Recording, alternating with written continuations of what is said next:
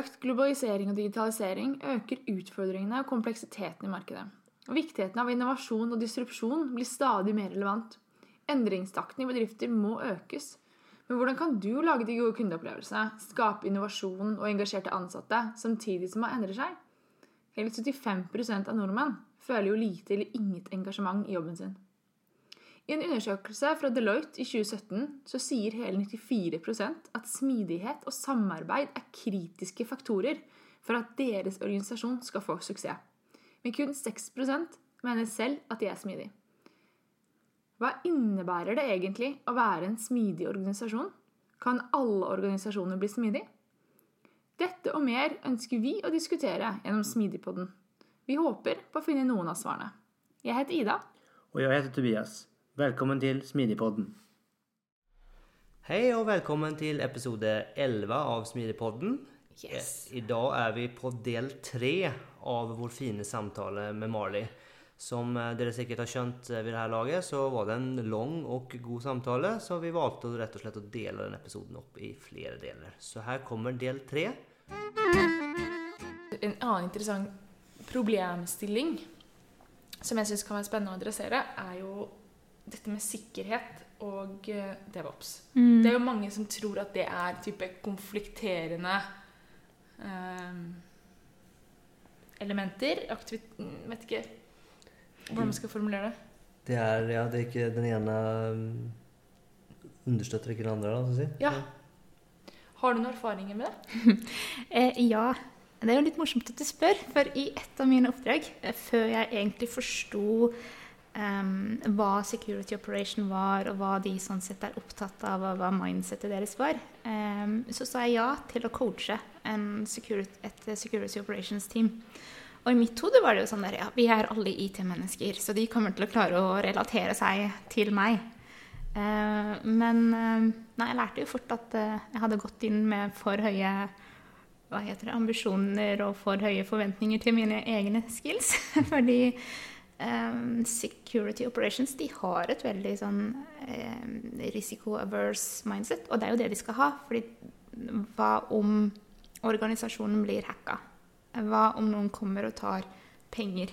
Uh, så kan du jo havne i uh, på nettsiden, f.eks. Nei, på, i avisene.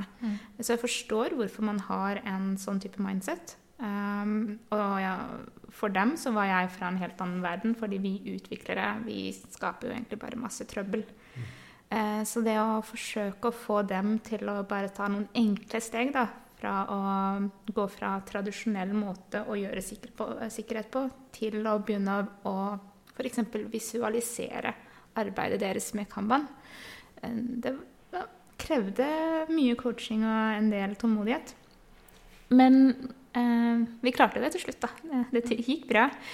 Eh, men hvis du spør meg om hvordan på en måte DevOps og sikkerhet eh, Samspillet der er, så tenker jeg da at ja, hvis man tar den tradisjonelle måten å gjøre sikkerhet på, og DevOps, så går det ikke. Men akkurat som med test altså Test er jo også vanligvis noe som kommer på slutten, eh, hvor man tester. Men med DevOps så har man egentlig innført test som en tankegang som man har fra starten, med testdreven utvikling og tenketest, eh, automatisering i hvert eneste ledd. På samme måte så kan man også tenke det med sikkerhet. At eh, sikkerhet er også noe man kan starte å tenke på fra starten av, istedenfor at det skal være noe som eh, kommer inn på slutten. Um, og der er det jo allerede veldig mange ulike mekanismer som man kan bruke. Sånn som f.eks. statisk kodeanalyse. Det fins OVASP, um, OVASP, OVASP-verktøy som man kan få inn, som er sånn enkle teknikker for å tenke sikkerhet fra starten. Hva, hva er det OVASP? O OVASP er en, en sånn guideline på jeg tror det er ti punkter. Mm. Eh, som går på okay, hvordan egentlig skrive sikker kode. Hva er det du må tenke på som utvikler? Mm. Eh, som er veldig bra. Um, men i tillegg um, Altså Hvis et team f.eks. ikke kan testing, så er det jo veldig naturlig at en tester kanskje tar en coachende rolle for å egentlig sikre at eh, også teamet tar et felles eierskap over eh, testinga. På samme måte så går det jo an å gjøre det med sikkerhet. Det å få inn sikkerhetseksperter som i tillegg til å kanskje utføre ting, eh, også tar en coachende rolle for å skape bevissthet rundt hvordan sikkerhet fungerer. eh, Så man ja, tar et felles eierskap for sikkerhet også, i tillegg. Så, jeg, så i mitt hode så er det ikke noe så er ikke sikkerhet en eh, motstridning til å kunne drive DevOps. Det handler egentlig bare om at sikkerhet også må endre måten de tenker på. Spennende. Tenkte du hadde noe mer spørsmål eh, rundt sikkerhet i det? Nei. Skal vi, skal vi hoppe videre til, eh, til noe helt annet, kanskje? Vi gjør det. Vi gjør det. Vi hopper inn på, på kultur og mennesker. Vi har jo vært innom det litt, sånne ting, men vi snakker veldig mye om endring, egentlig. Em, kan, du, em, kan du si litt hva du tenker og din erfaring om å måtte klare å skape denne endringen? Ja, ja, altså mm, Jeg liker jo å se på DevOps egentlig som en reise. Det er jo ikke sånn at eh, du setter deg et mål om at eh, vi skal bli DevOps, og så går det tre eller fire år, og så har man nådd det målet. Eh, kjernen i DevOps, slik jeg ser det, handler om kontinuerlig forbedring. Og med hvordan teknologien utvikler seg, og med at man lærer mer og mer, så blir det jo til at man finner bedre måter å gjøre DevOps på. Så jeg tenker at det er en modenhetsreise, akkurat som smidig sånn sett er en modenhetsreise. Um, og der, der handler det jo veldig om å skape bevissthet um, og ta små, små steg for å egentlig um, skape de endringene man ønsker. Og ja, hvor skal jeg starte? Eh, Det er veldig mange som spør ja, men hvor er det man starter da, i en sånn type Ja, eh, reise. Um, jeg, jeg tror egentlig ikke det fins noe fasitsvar på hvor man egentlig starter. Men eh, kontinuerlig forbedringstankegangen kommer jo fra Lean, hvor Mm. man sier start med på, på en måte det som er flaskehalsen. Mm. Det som er mest pain. Fordi det som er mest pain, det er der folk er eh, mest eh, villig til å faktisk eh, forsøke ut noe nytt. Um, og det som gjerne er mest pain for de først, altså for eh, de fleste, det er jo den derre siloen som de har mellom eh, utvikling og drift. Og få dem til å starte å jobbe sammen. Men jeg har også vært borti caser hvor eh, det egentlig er ledelsen på toppen eh, som har hatt lyst til å gå over til en mer sånn DevOps-måte å jobbe på. Um, som jeg tenker er bra, fordi man trenger jo egentlig leadership buy-in eh, for å få til en sånn type reise. Um, det eneste er at eh, det, det er jo mange feller man kan gå i. En av fellene med at eierskapet ligger hos ledelsen og ikke i eh, teamene selv, eh, er jo at eh, ja, ledelsen lager kjempemange planer for hvordan dette skal funke, og hvordan målbildet for DevOps skal se ut. Uh, uten å tenke over at ok, vi har kanskje folk i teamet som trenger, eller folk i organisasjonen som egentlig trenger bevissthet rundt uh, DevOps. Um, så som i alle andre endringsreiser, da, uansett om det er DevOps eller om det nå er å innføre en annen ny teknologi, uh, så tenker jeg at um, det å starte med individene uh, og coache dem um, i, i først det å forstå hva det er, uh, det er egentlig en ganske viktig del av å drive den endringen. Det fins jo en sånn derre firesteg, sånn eh, modenhetsmodell, eh, som er veldig artig. Um, den går ut på at ok, på første nivået så er det både inkompetent, og du har ikke bevisstheten. Mm. Og da har du også feil intensjon. Og på nivå to så begynner bevisstheten å komme opp, men du er fortsatt inkompetent. Så da gjør du fortsatt feil vurderinger. Mm. Uh, på nivå tre så er du eh, både kompetent og du har bevissthet, så da gjør du i hvert fall riktige vurderinger. Men det er når du på en måte ubevisst klarer å bruke den kompetansen du har, Mm. det er jo da det går over til riktig intensjon, hvor du på en måte eh, ikke bare følger prosedyrer, men klarer å tenke litt ut av boksen på hva er det som må forbedres, og hvordan kan det forbedres i forhold til eh, å ta de neste stegene. Kjempespennende. Har du, um, hva, liksom, hva er din erfaring av at jeg tenker Man snakker jo her om kanskje at det er en et utviklingsavdeling, og det kanskje er flere utviklingsteam av noen slag eller grupperinger, og så har du en driftsavdeling. Her er ikke jeg så bevandret hvordan de er organisert, men Mm. jeg ser for meg at de kanskje ikke er like mange og like store, og kanskje litt eh, Det skjer kanskje ikke like mye, og så tenker man skal merge de miljøene der. Hvordan setter man sammen hvordan er du din erfaring med å liksom gjøre den si, samarbeidet, merging, merchen, merchen der? Liksom, hvordan får du det til å plutselig være på samme, samme team og samme lag? Liksom? Ja, um, det er eh, ikke alltid så veldig lett. Fordi det, det er jo to ulike grupper. Eh, Utvikling tenker jo å lage nye Altså deres mindset er jo egentlig å bare utvikle og produsere og få ut noe nytt. Mm. Mens eh, drift gjerne er på den andre siden, hvor de ønsker stabilitet. De ønsker å sikre seg med at ting fungerer som det skal. Em, min eh, erfaring der er jo bare det å få folk til å samles da, i et rom. Altså I et tid, tidligere oppdrag så hadde egentlig lederen allerede funnet ut av hvilke team det skulle være, og forsøkt å få dem til å bli tverrfaglige. Så da besto det av tre ulike team som skulle støtte opp under tre produkter. Eh, som skulle starte sin reise. Eh, og de, innad i de teamene så var det både utvikling, drift, det var test. Um, ja, det var vel de tre til å starte med, pluss en produkteier.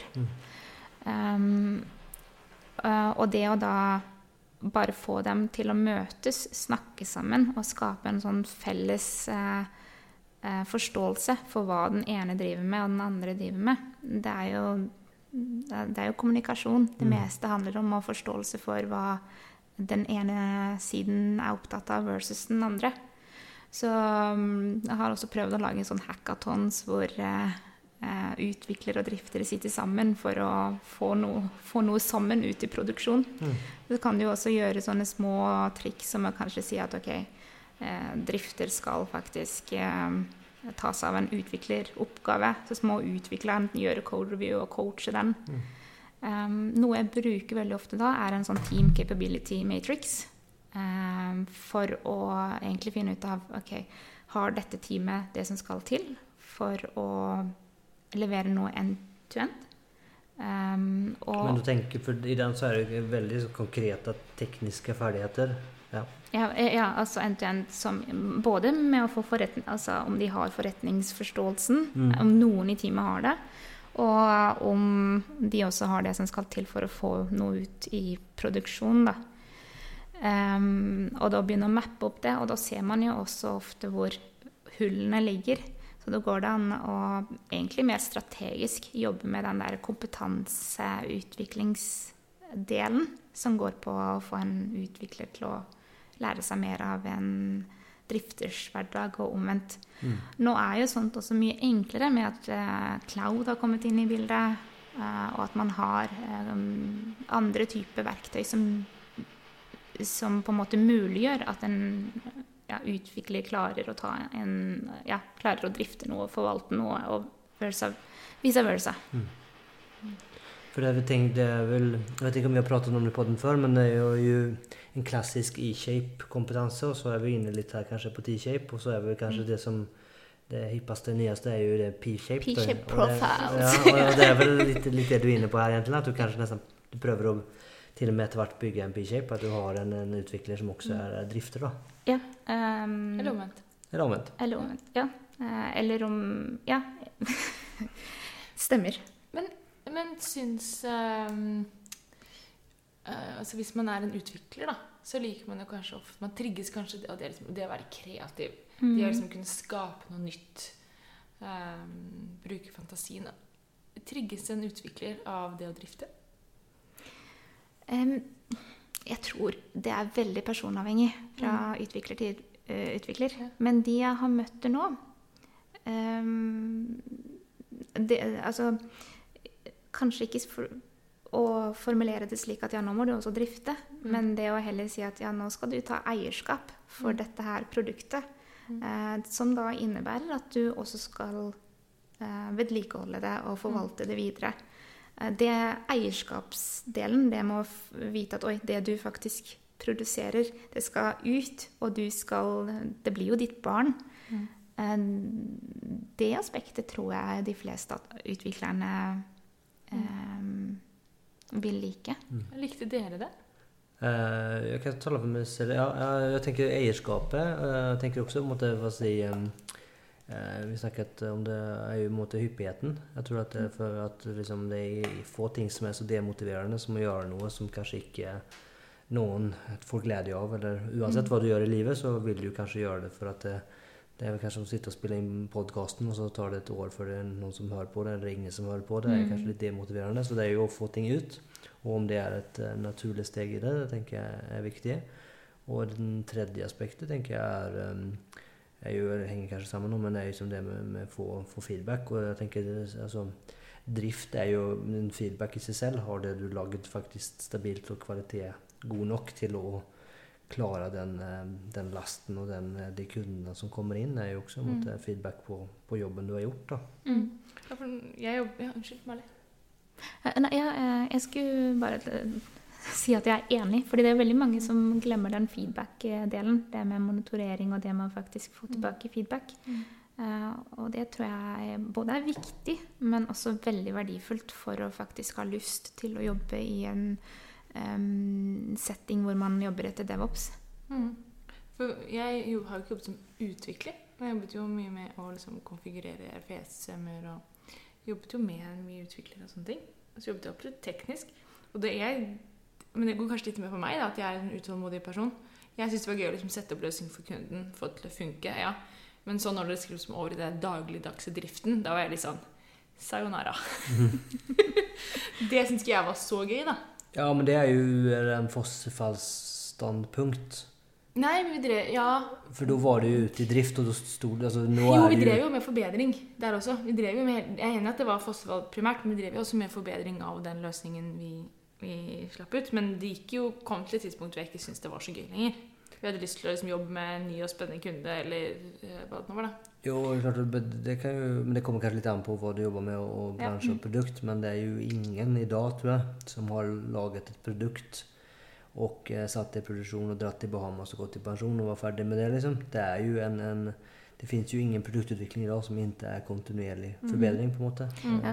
Men um, jeg, jeg tro, tror du tar opp noe viktig der, fordi eh, i den der you build it, you run it-tankegangen, da, eh, så er jeg enig i at hvis etter at du har eh, f- eh, Altså etter at du har fått noe ut i prod, hvis du bare skulle driftet og vedlikeholdt det, og bare fått inn noen sånne små, små endringer, Mm. da hadde det kanskje ikke vært så morsomt. Men det at teamet også da får domenekompetanse og begynner å tenke selv rundt ok, hva andre type ting kan vi gjøre med denne applikasjonen? applikasjonen? Hvordan kan vi eh, lage noe kult som kan levere verdi? Det blir jo en konsekvens av den tankegangen.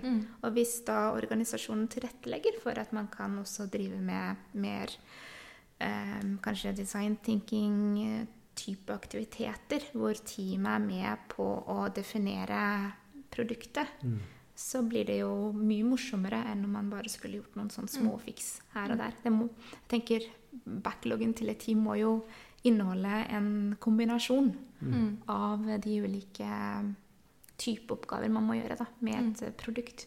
Du kan tenke på det. Vi har jo faktisk vi har fått inn flere spennende spørsmål til episoden. Ja, Det har vi. Så det er jo utrolig gøy. Og der var det jo en av eh, spørsmålene her, skal se om jeg klarer å finne det, som var ganske midt i blinken. Det er von Fredrik. Eh, han skriver så her Alltid litt spennende å høre hva slags filosofi, framgangsmåte, metode og eller system, verktøy som brukes i planlegging, prioriteringsprosess og spesielt i det DevOps-team. Og nå kommer vi til spørsmålet her. Hvordan balansere forvaltning, feilretning og kvalitet i, eksister og, eh, i eksisterende funksjonalitet mot utvikling av ny funksjonalitet som ofte er det resten av organisasjonen skriker etter? Kan jeg bare kommentere én ting før vi, eh, før vi svarer på det spørsmålet? Ja. Det er det greiene med sånn DevOps-team og DevOps-konsulent og DevOps-ekspert. DevOps er, kan jo ikke være én person, det er jo flere. Og på samme måte så tenker jeg at eh, det fins ikke et DevOps-team. Det fins tverrfaglige team som jobber etter DevOps-filosofien. Mm. Eh, Jeg hører veldig mange sier det, så jeg tenker når jeg først har mulighet til å få dette ut, så, så er det jo greit. Bra å få det oppklart. Yes, hvordan balanserer vi eh, prioriteringene? Ja, det er jo egentlig alltid vanskelig, altså prioriteringer. Um, og det er jo riktig som Fredrik sier, at når du har den backloggen, så kan man jo ikke bare jobbe med ting som er nytt og kult, som forretningen ser verdien av. Man må jo også ha oppgaver som går på ja, feilretting og kanskje opprydning av teknisk gjeld osv. Uh, det jeg i hvert fall pleier å ha som en tommelfingerregel, det er at um, man Altså uansett om man jobber i sprinter eller mer eh, um, over eh, en type kanban-form for um, prosess, eh, så, er, så pleier jeg i hvert fall å si at okay, 30% av teamets kapasitet det settes av til uforutsette hendelser. Eh, hendelser som man ikke kan eh, planlegge inn. Og hvis det er eh, en form for scrum-prosess man har, så blir det jo til at eh, man egentlig må inngå en kontrakt på at en backlog alltid skal inneholde eh, en variasjon mellom å skulle fikse opp teknisk gjeld og ta inn noen få mm, nye features. Da. Eh, er det Kanban, så er det jo veldig det høyeste prioriterte, det tar du inn, tenker jeg. Um, så, på prioriteringsprosess så må man jo egentlig gå en runde med forretningen og få dem til å forstå at det ikke bare er nye Altså for å sikre stabilitet og sikre kvalitet på det man har, som gjør at brukeren er fornøyd, så må man også ta det som er mer av eh, vedlikeholdstype oppgaver. Ja, jeg tror du er inne på noe veldig, som er veldig viktig. Det er jo å skape den forståelsen av ting som er veldig teknisk og veldig komplisert, og kanskje veldig langt unna det du ellers jobber med. Og kanskje få den forståelsen at det spiller kanskje ikke så noen rolle om du får den featuren eller ikke, hvis hele systemet er nede. Og, eh, altså, at du må ha en, en viss nivå og en viss kapasitet, som du sier. At liksom faktisk få jobbe med disse tingene og få, få fiksa det før det måtte er, for sent. Mm. Eh, Så det har vi jobba mye med. At liksom ha en, en på, både på ledelsesnivå, men også på, på tvers av organisasjonen, en forståelse av, av disse tekniske utfordringene. Og at, at det er liksom det er jo Stabiliteten er kjernen i produktet vårt. Så har vi ikke den, så har vi ingenting, egentlig. Mm. Og det har liksom vært gått veldig eh, bra for oss. Da, at vi har liksom kan ha ganske relativt eh, både stor tillit og også forståelse på at det er en viktig dimensjon ut av det. Men vi har også hatt en, en periode der man kanskje ikke har prioritert det så høyt. Og da har vi hatt en sånn litt hva skal vi kalle det, catch-up game. da, Der man har også man har fått blitt enig med forretningen at vi pauser all måte, forretningsutvikling, om vi kan kalle det, eller featureutvikling, i en måned eller to. Der vi egentlig alle har en fokus på å heve kvaliteten. Eh, og det er vel kanskje en litt sånn reaktiv eh, variant, som kanskje ikke er helt optimal, men, men det har i alle fall kunnet løst litt opp i at man kanskje ikke har hatt en kontinuerlig fokus på det, og faktisk klarer at ok, men nå får vi faktisk fokus på det, og kan gjøre litt større løft og liksom komme oss litt ut av den rabbit hole som vi kanskje har vært nede i. da. Det, det er jo kjempebra. Da tenker jeg at dere har kommet altså, Det høres ut som dere at um, dere også har en forretningsside som er ganske moden. Eh, det er, jeg opplever jo ofte at når man, jo høyere opp man kommer, så er jo parametrene som man ser på, det er kvalitet Eller det er tid og kost. mm. Og at tiden er gjerne det som ofte er det som er viktigst for dem. Og når du da tilfører den, det tidspresset på et team, så blir det jo til at de gjerne tar snarveier um, framfor å kanskje tenke over okay, hvordan skal vi egentlig gjøre dette på en god måte. Ehm, så jeg syns det høres ut som det var veldig bra at dere faktisk hadde en liten freeze-periode og kunne få litt tid til å um, få ryddet litt opp Mm. og få opp kvaliteten på det dere har. Eh, nå sitter jeg jo i et team hvor eh, vi både driver med Eller hvor teamet både driver med utvikling, eh, samtidig som det er en del teknisk gjeld som man må ta seg av. Så det å få folk til å forstå at ja, men det er viktig at dere ikke legger press, og få teamet til å forstå at dere skal ikke bry dere om dette presset. Dere skal bry dere om å skrive kode, for å skrive kode er jo kunst. Mm. Eh, og dere skal bry dere med å skrive god kode, som også innebærer å tenke på test og sikkerhet osv. Uh, det, det er jo en, uh, en endringsledelsesprosess, da. Mm. For det vi snakker om nå, er jo egentlig ikke et Det er jo ikke et DevOps-problem. Jeg tror at det, Dette er jo et systemproblem, kulturelt problem, ofte i organisasjoner, som man kanskje ser at blir tydeliggjort da, Mm. i denne type mm team. Da. Ja, og det er riktig. Men den største barrieren uh, ofte for DevOps, det er jo det kulturelle. Nettopp.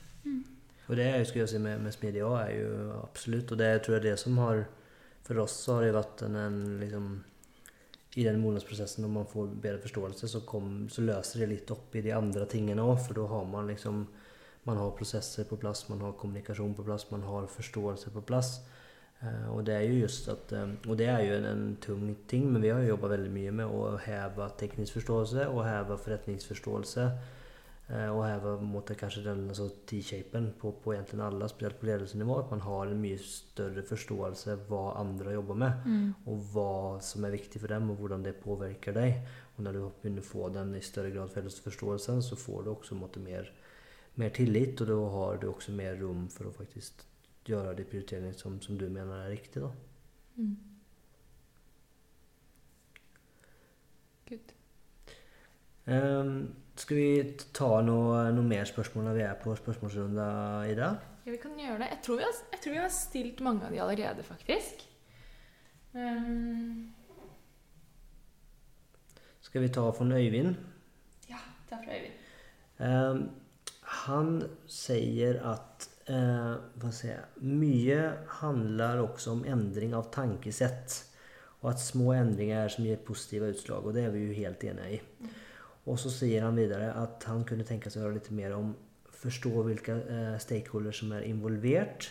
Hvordan visualisere og kommunisere endringer i et teknisk løsning med høy utviklingstakt. Overvåke tjenesten appen. Eh, og så sier han en punkt til. Det skal være rom for å dytte ut funksjonalitet som ligger eh, latent i et produksjonssystem uten kundemerkene. Den siste har vi for så vidt vært inne litt på. Men man kan kanskje si litt om stakeholders. Det har vi kanskje ikke pratet så mye om. Nei. Hva tenker du? eh, Hvem liksom for Det høres litt ut som at eh, du har eh, Det kanskje ikke er sant, men jeg tolker det litt som at du har vært litt heldig. At du har hatt positiv ledelse. Det er jo ikke alltid sånn. Eh, Jeg, jeg, kan, jeg si at jeg ikke alltid har hatt positiv ledelse. Og selvfølgelig har det vært eh, steder hvor eh, det ikke har gått så bra heller. Eh, Som eksempel som em, eh, En gang så opplevde jeg veldig at ja, hele organisasjonen ønsket å gå mot DevOps. Um, og så ble det til at det ble drevet av på en måte ledernivået for alle de ulike teamene. Men de var veldig opptatt av å allerede før man startet ta et målbilde. De ville vite hva målbildet var, og hvordan eh, Altså nede på detaljnivå, da. Vite hvordan er det hvert team kommer til å eh, egentlig jobbe. Hvordan kommer revisjonen til å være, osv. Og, så og det er veldig mye sånt man egentlig ikke kan forutse. Så det å forsøke å endre den tankesetten, det er ikke alltid så lett. Så jeg, jeg har feila flere ganger. Men jeg tenker um, Når man går inn i en sånn type transformasjon, så er det viktig som enten smidig coach eller som endringsagent, eller uansett hvor du er, da, å ikke gå inn med um, forventningen om at det skal være perfekt fra dag én. Om, eh, om du har en eh, leder som ikke forstår tankesettet, eh, eller gjør ting litt feil, så er det helt greit. Så lenge du får noen små, små quick wins da, ut av den. Så hvem, hvem som egentlig er stakeholders som er, bør være involvert, det tenker jeg jo er eh, alle rundt et produkt. Mm. Og hvem er det som gjerne er rundt et produkt? Det er jo alle fra topp til ned. Mm. Er du e- enig i det? det, er det Ja, jeg er absolutt enig i det, og det, jeg tenker det kommer. eh, Men jeg tror at det er viktig å ha i alle fall å ha en hva skal jeg si, buy-in Mm. og, og tillit. Eh, Som du sier, de trenger nødvendigvis kanskje ikke Det nesten kan være en fordel at de ikke helt skjønner det. Mm. Eh, Men at de i alle fall er enig i at det er en retning vi skal gå.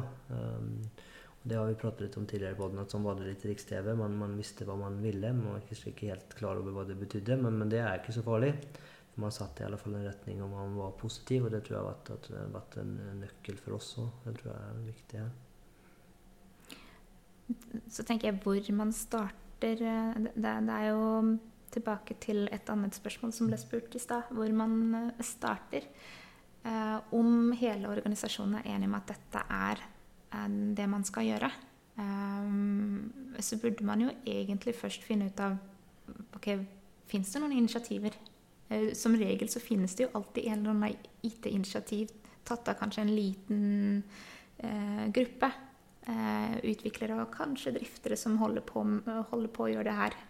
Eh, Som man kan løfte opp da, istedenfor kanskje å starte noe nytt. Og Mm. hvis ikke det fins, så burde man kanskje finne ut av okay, eh, Hvis man skulle hatt sitt første eh, team som driver med DevOps, hvilke, ti, hvilke produkt er egentlig enklest? Mm. Eh, og eh, nærmest en eller annen form for bruker, sånn at man fort klarer å visualisere verdien av det.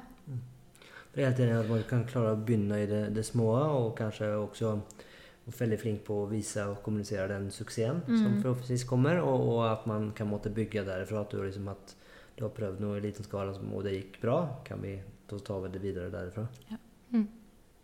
Det jeg tenker litt på med det, da Det er jo mange fordeler med å starte selvfølgelig i liten skala. Det er jo kanskje det beste. Men det er jo Det må også være veldig krevende da, i noen organisasjoner. For du får liksom ikke testet hele verdikjeden din. da. Ja. Og du får utrolig mange avhengigheter til andre team som ikke jobber på, på den måten du jobber. Har du noen erfaringer med det? Ja. Kan, kan man jobbe med det og gjøre det bedre? Um, det, det jeg tenker kan man, er veldig fin å bruke. Um, for å få opp egentlig hele value streamen. Um, og value stream er egentlig en ganske tom prosess. Men man trenger jo ikke å bruke alle elementene i en value stream, men bare den ok, hva er de ulike stegene som man går gjennom for å få noe fra idé til prod produksjon i det teamet.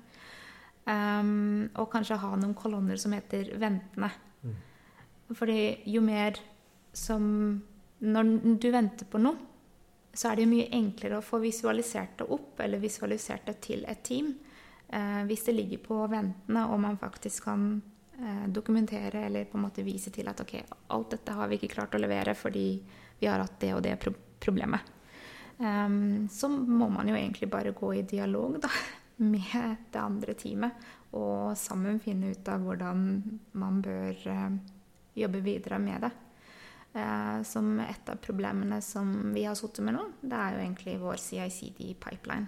Og det at vi ikke har tilgang til eh, å eh, overvåke våre egne applikasjoner i det teamet jeg sitter. Mm. Um, så for eh, det teamet så hørtes det ut som det andre teamet var ja, De forsto ikke noe som helst, de forstår ikke våre problemer. Men med en gang man satte det sammen, så viser det seg jo at det andre teamet, som egentlig er mye mer på infrastruktursiden, eh, de ønsker jo egentlig å legge til rette for at eh, mitt team som et produktteam kan få lov til å gjøre overvåkningen selv. Mm. eh, Og selv finne ut av når ting går ned og går opp. Men det er bare det at de også har en kjempesvær backlog med ting å gjøre. Eh, Så jeg tenker at det kommer veldig an på kontekst, altså.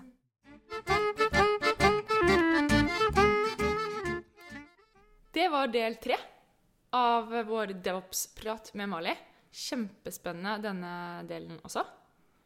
Jeg håper at dere syns, syns det var bra, og som vanlig så setter vi veldig pris på all type av feedback og innspill. Yes. Dere kan kontakte oss på smidepodden at gmail.com, eller på Instagram, eller Facebook, eller LinkedIn på Smidepodden. Yes. Så som sagt, eh, alt av eh, kommentarer, feedback, innspill, forslag på temaer, forslag på gjester, Spørsmål? spørsmål Alt er velkomment. Vi setter pris på alt. Jeg synes det Eh, er veldig gøy. ja, det, det syns få jeg det, skikkelig gøy å få ja, og det har tatt seg opp i det siste. Dere har vært veldig flinke på å sende inn ting, og det syns vi er gøy. Det er gøy. Det er kult. Yes. Og um, om dere har noen kolleger eller venner som skulle ha glede av å høre på Smidipodden, eller kanskje denne episoden, så setter vi veldig pris på at uh, dere deler det videre. Yes. Takk for nå. Takk for nå. Ha det bra. Ha det bra. Vi høres.